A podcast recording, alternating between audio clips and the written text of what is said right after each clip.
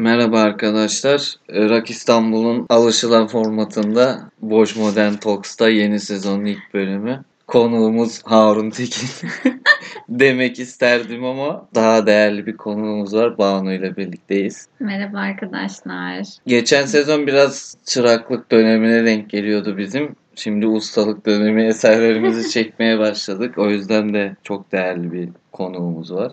Teşekkür ederim.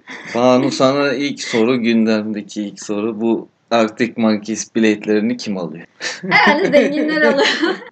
bir saat içinde bitmesini bitmesini düşünürsek yani hemen. Ne ara bittiğini bile anlayamadık. Twitter'da ilk başta biletler satışa başlandı dendi. Sonra birden bir baktım ki biletler bitti. Hani insanlar ne ara aldı bu biletleri?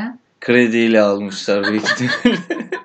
Değil mi? Kredi çekip böyle 1000 lira kredi çekip hemen bilet alıyorlar. Radiohead'le Deep Purple da zaten bu yaz güzel 3 tane konser olacak. Türkiye'de güzel konserler olmaya başladı. Yani üçünden birini tercih ediyor olsaydın hangisini eder? Hmm, Deep Purple olabilir ya daha çok. Benim de tercihim oldu. Mor ve Ötesi'nin yeni şarkıyı Çok iyi. kaç bin kez dinledim. Bilmiyorum. Ee, yayınlandığından itibaren sürekli dinliyorum. Spotify'de böyle en çok dinlediklerimin arasında herhalde.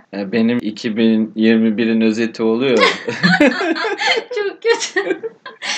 3 günde falan 2021'in en çok dinlenilenlerine girmiş olabilir. Özlemiştik zaten bayağıdır Evet bayağı da şarkı yazmıyorlardı. cover vesaire üzerinden gidiyordu ama yeni şarkıları. E, umarız albüm gelir. Umarım. Harun abi de gelirse programa duyarsa bizi, sesimizi. İnşallah. Evet dinleyen Yani. arkadaşlara iletiyoruz. Harun abicim lütfen gel.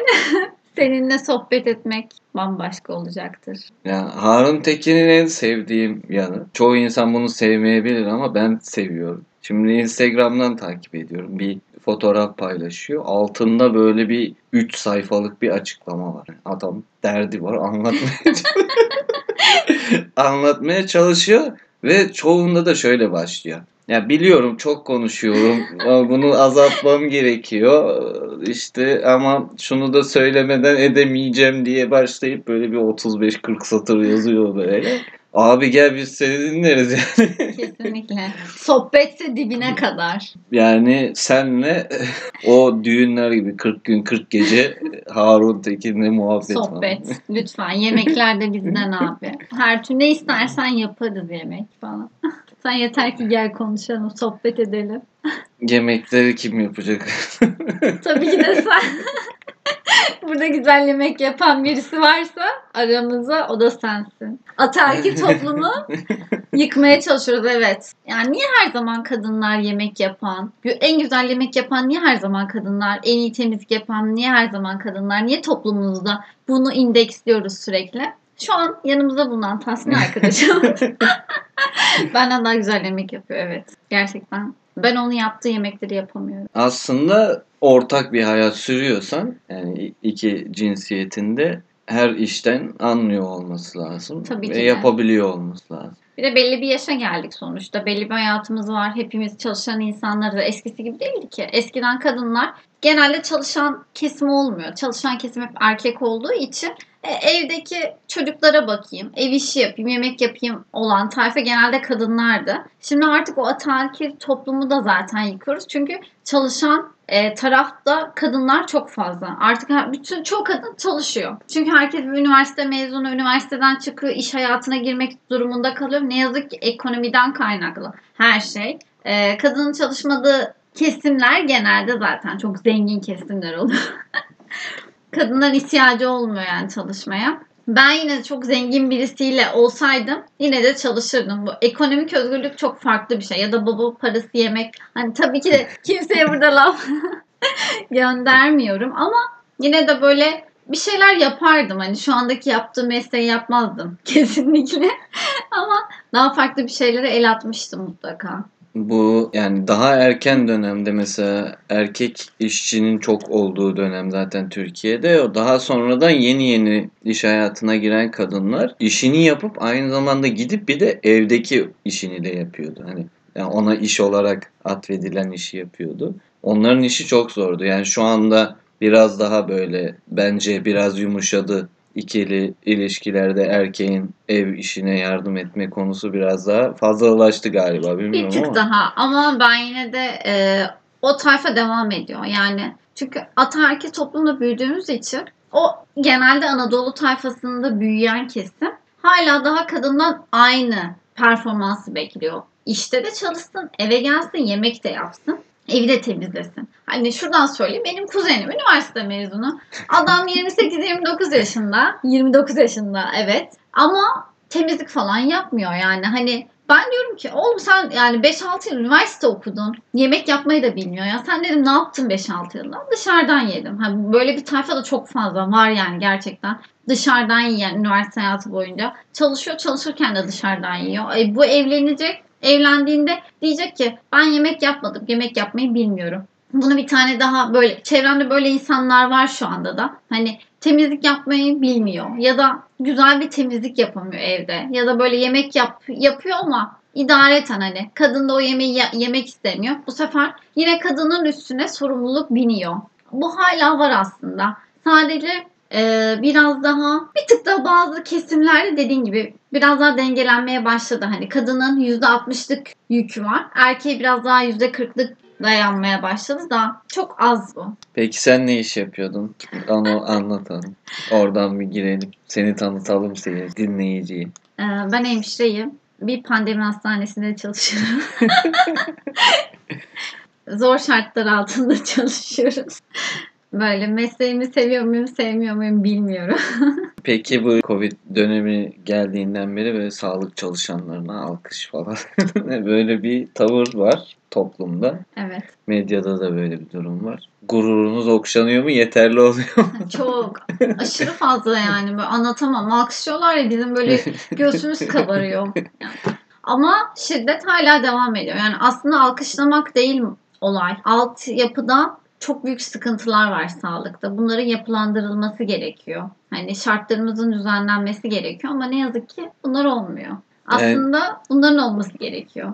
İlk baştan girdiğimizde de işte ben şöyle bakıyorum. Bu toplumda bir şeyleri değiştirmen gerekiyor. Yani birincisi birinci madde çalışan eşine veya sevgiline birlikte de yaşıyor olabilirsin. Ev işlerinde yardım et. Kesinlikle. İki, sağlık çalışanına şiddet uygulama. Kesinlikle gerçekten. O kadar zor şartlar altında çalışıyoruz ki hem o kadar stresli bir ekiptesin yani şu hastane ortamı çok stresli. Zaten hastaneye hasta olarak gelen insanlar biliyorlar yani gergin stresli oluyorlar. Hani biz bir tane hastayla uğraşmıyoruz. Birçok hastayla uğraşıyoruz. Hasta yakınlarıyla uğraşıyoruz. Kendi ekip arkadaşlarımızın arasında sıkıntılar yaşıyoruz. Hepsi bunlar stres kaynakları. Bir sürü stres kaynaklarının üzerine bir de hasta yakınıyla aramızda böyle bir iletişimsizlik gelişiyor. Normal ama iki insan arasında iletişimsizlik çok normal. Bir de insanlar daha stresli olduğunda iletişimde bir kopukluk oluşuyor. Bundan dolayı karşı taraf böyle daha önyargılı da davranıp senin üzerine yürümeye başlıyor. Benim de çok başıma geldi. Birçok hasta yakını üzerime yürüyüp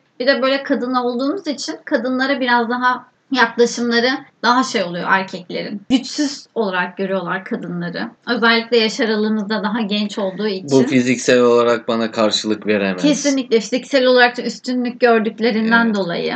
Böyle Sokaklara yazacaksın işte sağlık çalışanına şiddet uygulama, eşine yardım et. Kesinlikle. Ortak yaşıyorsunuz. e, ortak bir hayat yaşıyorsun. Eşine yardım et. Sağlık çalışanlarına şiddet uygulama. Böyle empati yap hayatında. Empati de çok önemli. Tabii ki Tabii aslında ki. bunların en başı empatiden Aynen, kaynaklı temelinde işte. o var. Aynen. İşte insanlara empati yapılması gerektiğini öğretilebilirse aslında eğitim sistemimizle de alakalı bir durum var. Bunun başında hani ortaokulda, ilkokulu söylemiyorum. İlkokulda daha çok bilinçsiz oluyordu ama ortaokulda insanlar bir tık daha bilinçli oluyorlar. Ortaokulda bu olay empati dersleri alsak veya bir psikologlar böyle ders gibi ama bir taraftan da terapi gibi bir öğrencilerle sohbet veya bir ders gibi olsa bu olaylar daha farklı olabilirdi diye düşünüyorum. Ünlü bir felsefecimiz var Ionla Kuchuradi diye.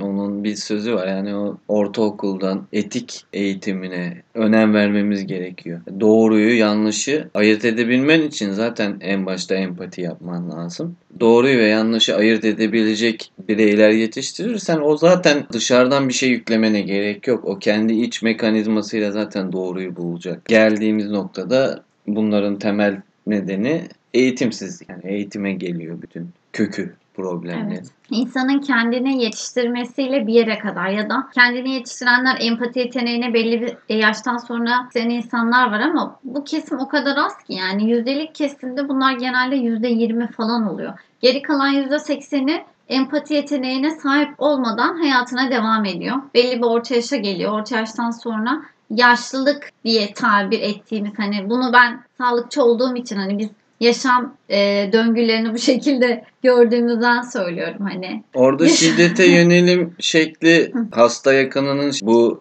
benim hastam işte kötüleşiyor ve sağlık çalışanları bir şey yapmıyor. Ben bunlara işte böyle bir artistlik yapayım ki bunlar görevini yapsın. Aa, öyle mi düşünüyorlar? Herhalde öyle düşünüyorlar. Çünkü ben anlayamıyorum yani. Hani ben o empatide değilim. Biz üniversitede de herkes etik dersleri alıyor. Bütün sağlık sisteminde çalışan arkadaşlarımızdan. Arkadaşlarımız etik dersler alıyor ve e, biz etik derslerimizde empati yapmayı, psikoloji dersleri de alıyoruz. Kesinlikle. Psikoloji derslerimizin birebir ana temeli empati zaten. Hasta yakınlarına, hastalara hani nasıl yaklaşmamız gerektiğini, onların duygu düşünceleri, hayata bakış açısı, hayatı, hayatlarının son evrelerinde olan insanlara bile nasıl bir bakış açısıyla yaklaşmamız gerektiği, duygu durumlarının ne olabileceği ölçüsünde eğitimler alıyoruz aslında. Biz genelde o şekilde yaklaşıyoruz ama İnsanlar hani stres kaynakları hastanede çok fazla olduğu için insanlar ekstra stresli birbirlerini yanlış anlıyorlar. Yanlış iletişim bozuklukları oluyor.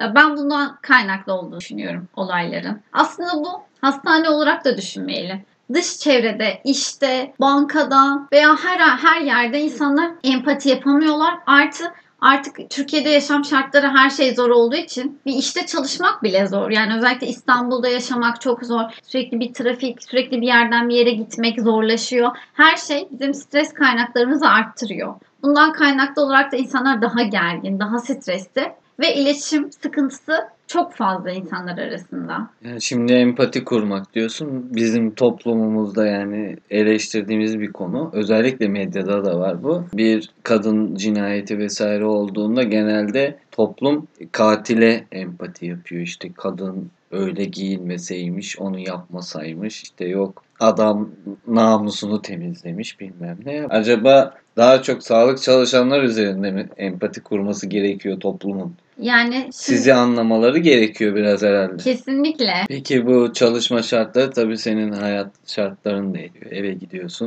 E, kesinlikle Sende öyle. yarattığı bir stres var. Hani O yoruyor insanı. stresle nasıl başa çıkıyorsun? Yani özellikle ben yoğun bakımda, Covid yoğun bakımda çalıştım aylarda bu Covid'in pik yaptığı dönemlerde. O zamanlar çok zordu. Yani zaten Covid yoğun bakımda, Covid servisinde çalışan insanların psikolojisi kesinlikle normal değil. Yaşam e, döngüleri de normal değil. O kadar yoruluyoruz ki nöbetten çıkınca gidiyorsun böyle uyuyorsun akşama kadar. Akşam kalkıyorsun 7-8'de yemek yiyorsun. Zaten gece uyuyamıyorsun. Döngün bitiyor. İki gün nöbet, iki gün off'un oluyor ya da gün aşırı ertesi gün tekrar nöbete gidiyorsun. Geçenlerde Ali Ece diye bir spor yorumcusu var. Takımı yenilmiş, yorum yapmaya çalışıyor. Şey dediğine denk geldim. Yeter artık ben yorum yapmak istemiyorum. Eve gidip Megadeth dinleyeceğim diyordum. Bazen ben de öyle oluyorum. Yani müzik kaçış oluyor. Kesinlikle. Ben böyle e, tedavilerimi yaptıktan sonra böyle rahatlamak için o ara işim yoksa kulaklığımı takıyorum. Geçiyorum odaya. Gerçekten müziklerim mor ve ötesi. Harun Tekin, Kargo ve Koraycan Demir. Koraycan Demir. Senin Koray Can Demir sevgine şurada bir parantez, büyük bir parantez açalım. yani. Kesinlikle. Koraycan Demir bizi dinliyorsa ileride bizi dinlersen lütfen. Yani müzik tabii ki stresi azaltabilir, arttırabilir o ayrı bir konuda. Kesinlikle azaltıyor. Zaten bununla ilgili bir sürü araştırmalar var. Müziğin vücudumuzda etkisiyle. Serotonin etkisi yaratıyor mutlaka. Ha tabii dinlediğin şeyler, sevdiğin şeyler olursa serotonin etkisi yaratıyor. Bir de rahatlama, gevşeme özelliği var müziğin. Mesela stresli bir gün geçirdim. Ben ama stresli bir gün geçirsem bile dışarıya pek yansıtmıyorum. Evet. biliyorsun normal donuk bir ifadeyle eve geldiğimde e, silip notu açıyorum. Kulaklığımla Corey Taylor'ın kumandan gibi o sesi beni içimde bir mesela öfke birikiyorsa bile o haykırıyormuş gibi geliyor bana. Benim sözcümmüş gibi. Ondan sonra yatıyorum sabah yine kuş gibi kalkıyorum. Çok iyi. Ben onu o kadar sen kadar yapamıyorum anlaşılan. Daha gergin bir insanım sana göre büyük ihtimalle. Tabii müzik beni gevşetiyor. Bazen ben de aynı şey yapıyorum. Geçiyorum koltuğa uzanıyorum. Açıyorum böyle sevdiğim müzikleri. Yatıyorum. Gerçekten o beni dinlendiriyor ama ertesi gün kalkıyorum. Yine aynı şekilde stres kaynaklarım artıyorsa yine aynı döngüye giriyorum ne yazık ki.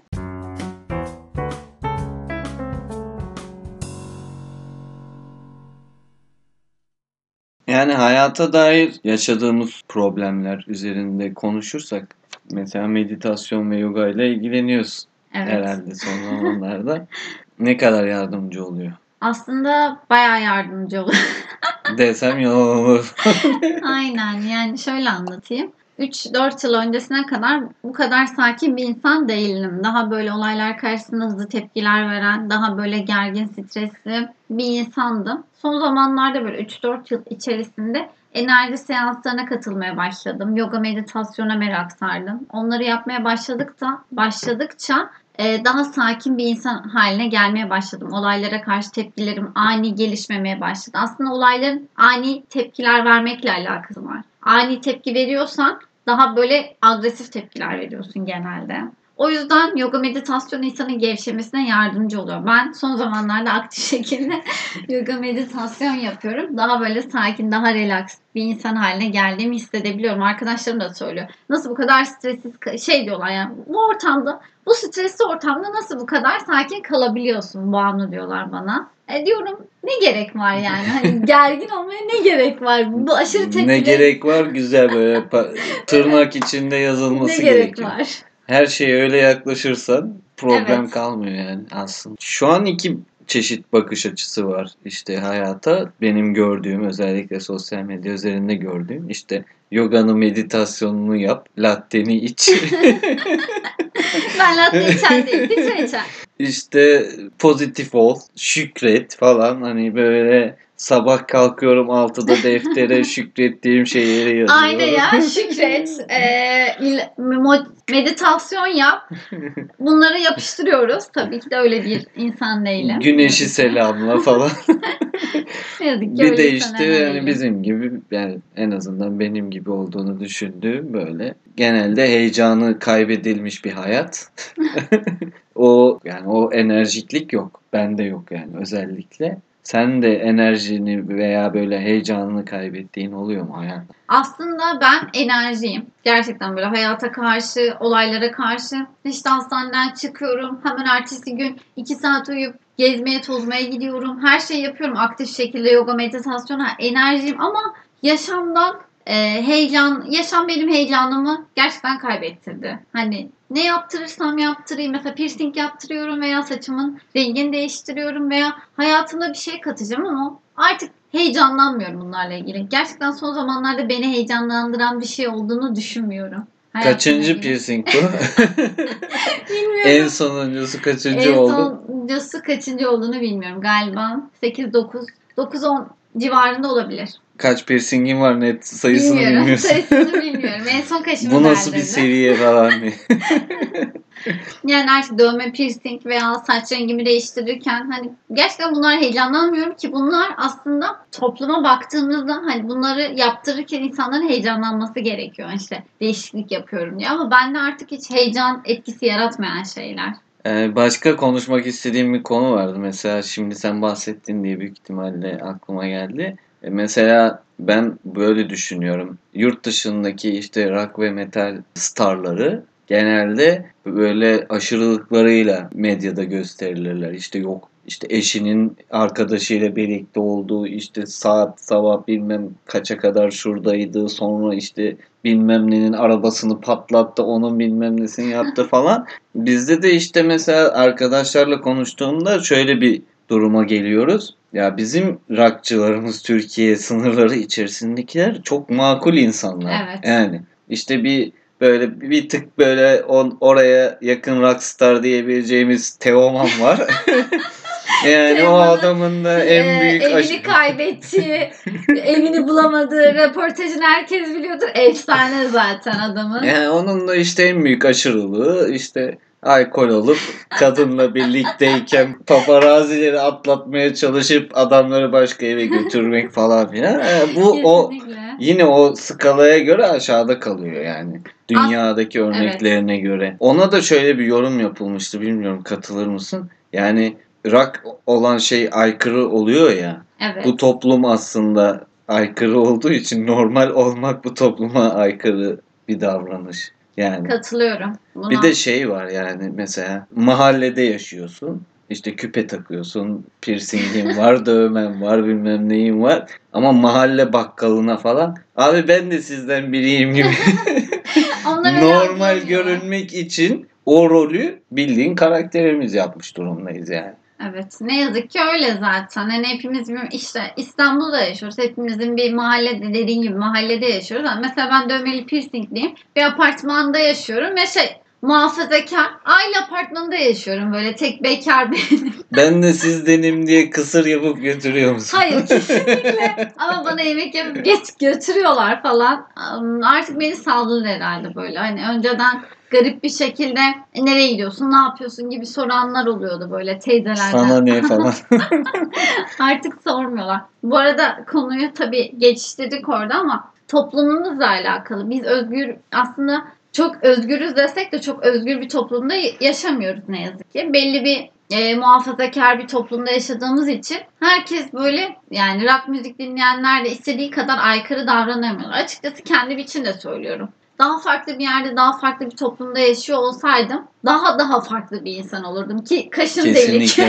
Kaşımda piercing olduğu halde çok çok daha farklı bir halde gelirim. Herhalde bu bütün vücudu dövmeli. Zaten onlara hayranım. Şu an dinleyenlerden tüm vücudu dövmeli insanlar varsa size hayranım. Bende de işte şey var yani böyle kolumu kaplatayım falan. Yani Ondan ben de çok sonra- cool. Bakıyorum 20 bin lira falan. Dolara vurunca bir şey değil ama işte yani bilmiyorum. Toplum aslında normal gibi yani kendisini normal gibi algılıyor ama gerçek normalden çok uzak. Aslında karakter haline gelmiyor da mesela hani benim yaşantımda karakter haline gelmiyor. Ben sürekli değiştiriyorum yani farklı şeyler yapıyorum. Farklı piercingler yaptırmayı düşünüyorum. Aslında bir yerde kendimi e, insanlara anlatma veya insanların içine girme bir yaklaşımım veya bir öyle bir algım yok aslında. Sadece istediğimiz kadar ekstra ekstra rahat olamıyoruz. Bence olay tamamen bununla alakalı. Bu Türkiye'deki rock müzik yapan sanatçılarla da alakalı. Ekstra ekstra rahat yaşayamıyorlar. Mesela ben Ufuk Beydemir hani şu an tam rock söylemiyor. Alternatif rock yapıyor ama adam Türkiye'deki diğer rockçılara göre mesela Hayko'ya falan. Hayko mesela çok sessiz. Hayko'yu hiç göremiyorsun. Ama Mesela Ufuk Beydemir biraz daha böyle uçuk uçuk şeyler yapıyor. Mesela şey yeni biliyorsunuzdur o video. Öp beni, yala beni, Şap Neşap beni. şıp beni. Onunla ilgili bir video. Gitar çalarak video yapmış. Mesela güzel. Güzel yaklaşımlar bunlar. Şöyle düşünüyorum ben. Yani bir Hollanda'da yaşasam farklı olurdu. Tabii ki de. İran'da yaşasan belki hiçbir şey olmayacak. Kara Tür- e, Türkiye'de bu kadar oluyor durumuna geliyor yani. Ama aslında baktığında mesela Harun Tekin baktığında adam Çok normal. çok Aşırı normal. normal. Yani olması gereken ya hayır kurumu çalışanı gibi adama baktığında. Evet hep gömlekli. yani. Ben bazen bakıyorum böyle konserlerine. Adam gömlek giyiyor ya. Hani şey diğer arkadaşları Kerem falan böyle davulda bakıyorum o mesela şey deri Evet. ceket falan giyiyor ama Harun Tekin gömlek falan giyiyor. Ya da şey sivit. Hep Harun sivit giyiyor. En son gittiğim konserinde de kapşonlu sivit giymişti. Böyle beresini takmış, kapşonunu takmış. Cool cool takılıyor. Tabii ki de herkesin tarzı farklı. Harun Tekin'in de tarzı öyledir zaten. Ama daha farklı böyle olanlar da var. Mesela az önceki bahsettiğim gibi Ufuk, Ufuk Beydemir'in nipple piercingi var. Yani Var mı? Türkiye Bilmiyordum. var var. Oha, Deyince orada bilmiyordum ya. dikkat çekiyoruz. Nipple piercingi zaten güzel. ama Kaç tane Türkiye'deki erkeklerin nipple piercingi vardır? Erkeklerin. Yüzde, Yüzde kadar- veremem. yüzde- Sayı vermek lazım. Aynen. Parmakla o kadar göstermek az lazım. ki Evet. işte aslında bu infoyu bilmiyordum. Ben öğrendim. Bunu nasıl kafamdan silebilirim şu an. Onu düşünüyorum. Çok haz etmiyorum. Birinci sezonda da çok fazla bahsettik. Abi kendine ne yaptın? Sen neden böylesin falan diye. Masar Alanson'dan bahsettim. TRT'de program yapmaya başlamış kendisi. Hmm. Mangadan solistini ve Yağmur'u Ferman Akgül'le Yağmur. Aynen. Yağmur mu? konuk alıyor. Diyor ki onlara biz diyor işte Eurovision'a gittik. İşte orası zor bir yarışma. Biz 13. olduk diyor. Ama yani 13. olmak da zor falan. Yani böyle falan anlatıyor. Ferman da diyor ki ya abi biz de gittik. Aa siz gittiniz mi falan. Programa ve gitti. Aynen. Sonra diyor Mahsur abi ki sen neler yapıyorsun öyle ya? sonra diyor ki "E, kaçıncı oldunuz? İkinci olduk. Nasıl ikinci oldunuz? Masar abi lütfen yani bunu yapma. Yaşlandın biliyoruz. Bak ben burada yine anlatıyorum. İlk sezonda da anlattım. Masar abiye çok yüklendik. Zaten Bodrum'da da konserine kimse gitmemiş falan böyle. Aa. Ya severim aslında ben. Ya evet işte Gerçekten. programını izliyorum. TRT'deki sevmiyorsam diye izliyorum çünkü rock adına bir şeyler yapıyor. Yani 10 sözcüğünden 5'i Beatles. Beatles zaten hepimiz çok seviyoruz. Yani Ya, başımızın evet. üstüne koyuyoruz falan. Ama sen bu birikimle ya bir halkla ilişkilerinde bir problem var. Masar abinin. Biraz Yoksa- yaş farkından kaynaklı. Artık Z kuşağı, Y kuşağı olaylarından kaynaklı. Hani kuşaklar araya girince Evet. gerçekten etken de değişiyor. Yani yaptığı müzik sen neymişsin be abi. Ama bak küçümsemiyorum. Yine o döneme göre çok iyi. Çok iyi. Yani ve birçok şarkısını kendi arkadaş grubumuzda işte o Özkan Uğur'un falan e, seslendirmelerini falan çığlıklarla böyle kahkaha atarak izliyoruz ediyoruz. Ama bir şey yani sen getirdiğin konuğa bir saygı duymuyorsun. Yani ben onu gördüm izlediğim programda. Onun dışında bence artık daha çok Türkçe rock konuşacağız. Çün- Çünkü yabancı gruplara fazla gidebilecek durumumuz yok. Onların da gelebilecek durumu Evet. kalmadı. Bir de daha Türkiye toplumu içerisinde olduğumuz için hani bir şeylere erişimleri sosyal medyadan veya haberlere ulaşım daha rahat olduğu için Türkiye'deki sanatçıların aslında Türkiye'deki sanatçıları daha böyle onlar hakkında konuşmamız daha rahat olacak. Hani söyleşileri yapmamız. Zaten işte mesela abi Türkçe rock mı konuşuyorsunuz ya falan diye yaklaşan insanlara şöyle bir yani burada bu ülkede rock yapılması gerekiyor ki o kültürün beslenmesi lazım. Kesinlikle öyle.